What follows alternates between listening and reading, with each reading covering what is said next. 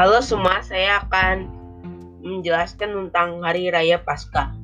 Paskah dalam bahasa Latin Pasca, bahasa Yunani Pasca, dan bahasa Ibrani Pesa adalah perayaan terpenting dalam dalam agama Kristen. Bagi agama Kristen, Paskah identik dengan Yesus yang oleh Paulus disebut sebagai anak domba Paskah. Hari Raya Paskah dinamakan Minggu Paskah, Hari Kebangkitan atau Minggu Kebangkitan. Paskah juga merujuk pada masa, masa di dalam kalender kalender gereja yang disebut masa Paskah. Paskah merupakan salah satu hari raya yang berubah-ubah tanggalnya. Dalam kekristenan disebut dengan perayaan yang berpindah karena disesuaikan dengan hari tertentu. Dalam hal ini hari Minggu, bukan tanggal tertentu di dalam kalender sipil. Hari raya hari raya Kristen lainnya tanggalnya disesuaikan dengan hari Paskah tersebut dengan menggunakan formula kompleks. Paskah biasanya dirayakan antara akhir bulan Maret hingga akhir akhir bulan April atau awal bulan April hingga bulan Mei. Setiap tahunnya tergantung pada siklus bulan. Setelah ratusan tahun gereja-gereja tidak mencapai suatu kesepakatan, saat ini semua gereja telah menerima perhitungan gereja Alexandria, sekarang gereja Koptik, yang menentukan bahwa hari Paskah jatuh pada hari Minggu pertama setelah bulan purnama Paskah, yaitu bulan pertama yang hari keempat belasnya bulan purnama gerejawi jatuh pada tanggal pada tanggal atau setelah 21 Maret titik musim semi matahari vernal equinoxius gereja. Minggu Paskah bukan perayaan yang sama namun masih berhubungan dengan Paskah Yahudi atau Pesak dan hal simbolisme dan juga penanggalannya bahasa Indonesia tidak memiliki istilah yang berbeda untuk Paskah atau Pesak dan Pasca Pasca. Sebagaimana beberapa bahasa Eropa yang mempunyai dua istilah yang berbeda, oleh sebab itu kata Pasca dapat memiliki dua arti yang berbeda dalam bahasa Indonesia. Banyak elemen budaya termasuk kelinci Pasca, telur Pasca, mengirim kartu Pasca telah menjadi bagian dari perayaan Pasca modern dan elemen-elemen tersebut biasa dirayakan oleh umat Kristen maupun non-Kristen. Pasca Pasca dirayakan sebab saat itu percaya bahwa Yesus disalibkan, mati dan dikuburkan dan pada hari yang ketiga bangkit dari antara orang mati. Pasca merayakan hari kebangkitan tersebut dan merupakan perayaan yang terpenting karena memperingati peristiwa yang sakral dan hidup Yesus seperti yang tercatat dalam kompak Injil di Perjanjian Baru. Perayaan ini juga dinamakan Minggu Paskah, Hari Kebangkitan atau Minggu Kebangkitan. Waktu itu saya juga merayakan Paskah mau dikasih telur telur Paskah yang diwarna-warnain dan saya makan telur yang dikasih gereja. Waktu saat Paskah, gereja saya merayakannya dengan seru karena dikasih dikasih dikasih lomba dan mendapatkan hadiah. Buat saya sih, pasca itu adalah hari yang terbaik sebab pada saat itu saya bisa bermain-main sama teman. Kegiatan di san waktu waktu pasca yaitu pada saat pasca di gereja adalah doa, terus kebaktian. Tetapi kegiatan biasanya dilakukan oleh gereja-gereja adalah doa, doa puasa, doa semalaman suntuk, khususnya tradisi timur kebaktian subuh, khususnya tradisi protestan as. Perayaannya di kalau yang umumnya itu kebaktian gereja, perjamuan keluarga berburu telur pasca untuk anak-anak dan memberi hadiah untuk orang dewasa, khususnya as dan Kanada. Kalau pasca pada gereja mula-mula memperingati peristiwa kebangkitan Yesus dengan perjamuan sederhana dan berdoa. Kemudian dalam perjalanan mis misinya Paulus telah mengingatkan jemaat gereja mula-mula maka pentingnya peristiwa kebangkitan Yesus dan perkataan Yesus pada waktu perjamuan malam terakhir.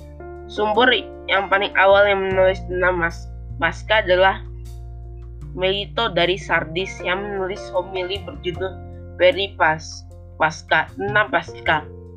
Orang-orang Kristen pada zaman tersebut menapak di tas jalan salib yang dilalui oleh Tuhan Yesus kematiannya diperingati sebagai korban keselamatan dalam tradisi Yahudi atau Zera bahasa Ibrani Zera Shelamin. Orang Kristen Yahudi terus merayakan Paskah Yahudi, namun mereka tidak lagi mengorbankan membak Paskah karena Kristus dianggap sebagai korban Paskah yang sejati. Perayaan ini diawali dengan berpuasa hingga Jumat jam 3 sore. Ada yang melanjutkan hingga pagi Paskah. Perbedaan timbul di suku tetangga Paskah. Orang Kristen Yahudi dan jemaat provinsi Asia merayakan pada hari yang bersamaan dengan Paskah Yahudi yaitu sekitar tanggal 14 Nisan bulan pertama. Menurut kalender mereka, kematian Yesus pada 15 Nisan dan kebangkitan Yesus pada 17 Nisan tanpa mempedulikan harinya. Namun orang Kristen non Yahudi yang tinggal di Kekaisaran Romawi dan juga gereja di Roma dan Alexandria merayakannya pada hari pertama yaitu hari Minggu, hari kebangkitan Yesus, dan mempedulikan tinggalnya, tanggalnya. Metode yang di yang kedua inilah yang akhirnya lebih banyak digunakan di gereja dan menganut menganut metode yang pertama perlahan-lahan mulai tergusur Uskup Victor dari Roma pada akhir abad kedua menyatakan perayaan menurut tanggal 14 Nisan adalah bidat nah, mengucilkan semua pengikutnya. Beberapa metode penghitungan yang lain di antaranya oleh beberapa uskup di Galia menghitung pasca pasca berdasarkan tanggal tertentu sesuai kalender Romawi yaitu 25 Maret memperingati kematian Yesus dan 27 Maret memperingati kematian Yesus. Karena sejak abad ketiga tanggal 25 Maret dianggap sebagai tanggal penyalipan namun metode yang terakhir ini tidak digunakan lama. Hanya kalender pada abad pertengahan mencatat tanggal perayaan ini dan 27 Maret untuk asal alasan historis bukan liturgis kaum Montanis di Asia Minor merayakan Paskah pada hari Minggu pertama setelah 6 April. Beberapa variasi perhitungan tanggal Paskah tersebut berlangsung hingga abad keempat. Perselisihan, perselisihan seputar perhitungan hari Minggu Paskah yang tepat tersebut akhirnya dibahas secara resmi pada Konsil Nicea. 1 pada tahun 325 yang memutuskan bahwa hari Paskah adalah hari Minggu. Namun tidak mematok dan mematok hari Minggu tertentu. Kelompok yang merayakan Paskah dengan perhitungan Yahudi dinamakan Ku Kuartodesiman bahasa Latin untuk 14 Nisan dan dikucilkan dari gereja. Uskup Alexandria kemudian ditugaskan untuk mencari cara menghitung tanggal Paskah karena kota ini dianggap sebagai otoritas tertinggi. Hal-hal yang berhubungan dengan astronomi dan sang uskup diharapkan dapat memutuskan hasilnya untuk diikuti keuskupan keuskupan yang lain namun hasil yang diperoleh tidak memuaskan terutama untuk gereja-gereja Latin. Banyak gereja yang masih memakai cara mereka sendiri-sendiri, termasuk gereja rumah. Akhirnya baru pada abad ke-7 gereja gereja berhasil mencapai kesepakatan mengenai perhitungan tanggal Minggu Paskah. Paskah pada gereja modern. Di dalam gereja-gereja Kristen termasuk ritus Latin, perayaan dimulai pada hari Jumat Agung gereja-gereja biasanya menyelenggarakan kebaktian pada hari tersebut. Umat Katolik Roma biasanya juga berpuasa pada hari ini. Misalnya diliputi dengan perasaan duka karena memperingati sesara dan penderitaan dari kematian Yesus di kayu salib. Gereja-gereja Protestan biasanya melanjutkan kebaktian dengan sakramen perjamuan Maskah untuk peringati perjamuan malam terakhir. Yesus lagu-lagu sendu seperti jangan lupa Kids Money juga dinyanyikan sang pastor atau pendeta kadang-kadang memberikan khotbah singkat. Gereja Katolik Roma tidak merayakan sakramen Eucharistia pada hari ini dalam situasi normal. Juga tidak dirayakan sakramen dalam pengakuan dosa dan pengurapan orang sakit. Pada hari Sabtunya, gereja-gereja Katolik dan beberapa gereja Anglikan dan Lutheran juga menyelenggarakan kebaktian malam Paskah. Dalam kebaktian itu, sebuah lilin Paskah dinyalakan untuk melambangkan Kristus yang mati, mati dan bangkit atau proklamasi di Paskah yang dinyanyikan ayat-ayat Alkitab dan perjanjian lama yang menceritakan keluarnya bangsa Israel dari Mesir dan nubuatan tentang Mesias dibacakan. Bagian kebaktian ini mencapai puncaknya dengan menyanyikan Gloria dan Haleluya. Dan Injil tentang kisah kebangkitan dibacakan sama seperti kebaktian Jumat Agung. Sang pastor atau pendeta kadang-kadang juga menyampaikan khotbah sesudah pembacaan Alkitab. Bagi gereja Katolik Roma malam ini biasanya juga digunakan untuk sakramen baptis, baptisan kudus dan dalam penerimaan anggota jemaat gereja yang baru. Untuk anggota jemaat yang lain, mereka juga menerima percikan air suci sebagai lambang perbaruan iman iman kepercayaan mereka kebaktian pada gereja Katolik Roma. Kemudian dilanjutkan dengan sakramen konfirmasi. Kebaktian kemudian diakhiri dengan sakramen ekra akaristi kebaktian malam pasca ini memiliki bermacam-macam variasi. Beberapa gerejanya mengadakan pada umat Protestan biasanya menggabungkan kebaktian malam pasca dengan kebaktian minggu pagi yaitu mengikuti kisah Injil yang ceritakan para wanita yang datang ke kubur Yesus pada pagi-pagi benar pada hari pertama minggu itu.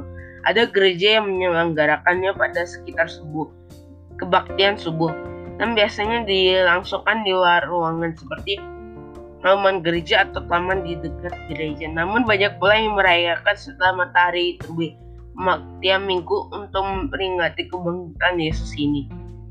Baik sama bersama-sama atau berbeda-beda dari kegiatan kebaktian subuh tersebut. Dirayakan dengan penuh sikap sukacita, termasuk lagu-lagu yang dinyanyikan lagu-lagu yang bernuansa kemenangan. Gereja-gereja yang cukup besar ada yang menggunakan instrumen-instrumen tiup, trompet dan lain-lain untuk melengkapi instrumen-instrumen yang biasa digunakan. Kebanyakan gereja juga mendekorasi ruang ibadah dengan hiasan-hiasan dan bunga-bungaan. Contohnya bakum pasca.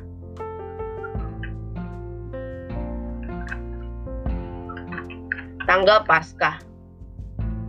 Pasca dan perayaan lain yang berhubungan yang yang merupakan hari terpenting dalam kalender gerejawi disebut juga sebagai perayaan yang berpindah yang berarti perayaan tidak berterpaku pada tanggal pada tanggal tertentu di dalam kalender Gregorian maupun Julian yang sama-sama mengikuti perputaran matahari dan keempat musim. Melainkan itu menurut kalender Surya Chandra seperti kalender Ibrani. Hal ini yang mendasari ilmuwan-ilmuwan mempelajari astronomi secara sistematis.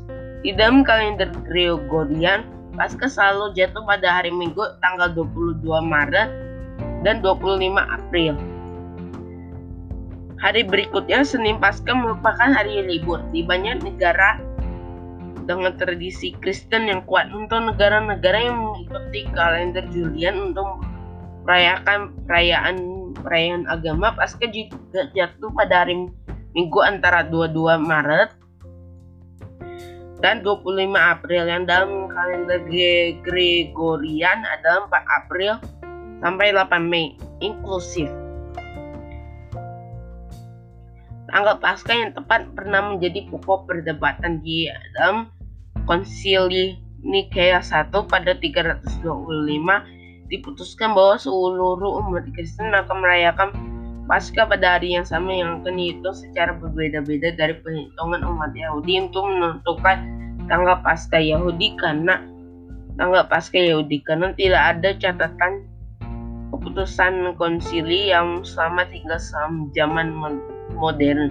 Ada kemungkinan bahwa konsili tersebut tidak memutuskan cara tertentu untuk menghitung tanggal Paskah. Sekian dari sekian dari penjelasan saya. Terima kasih.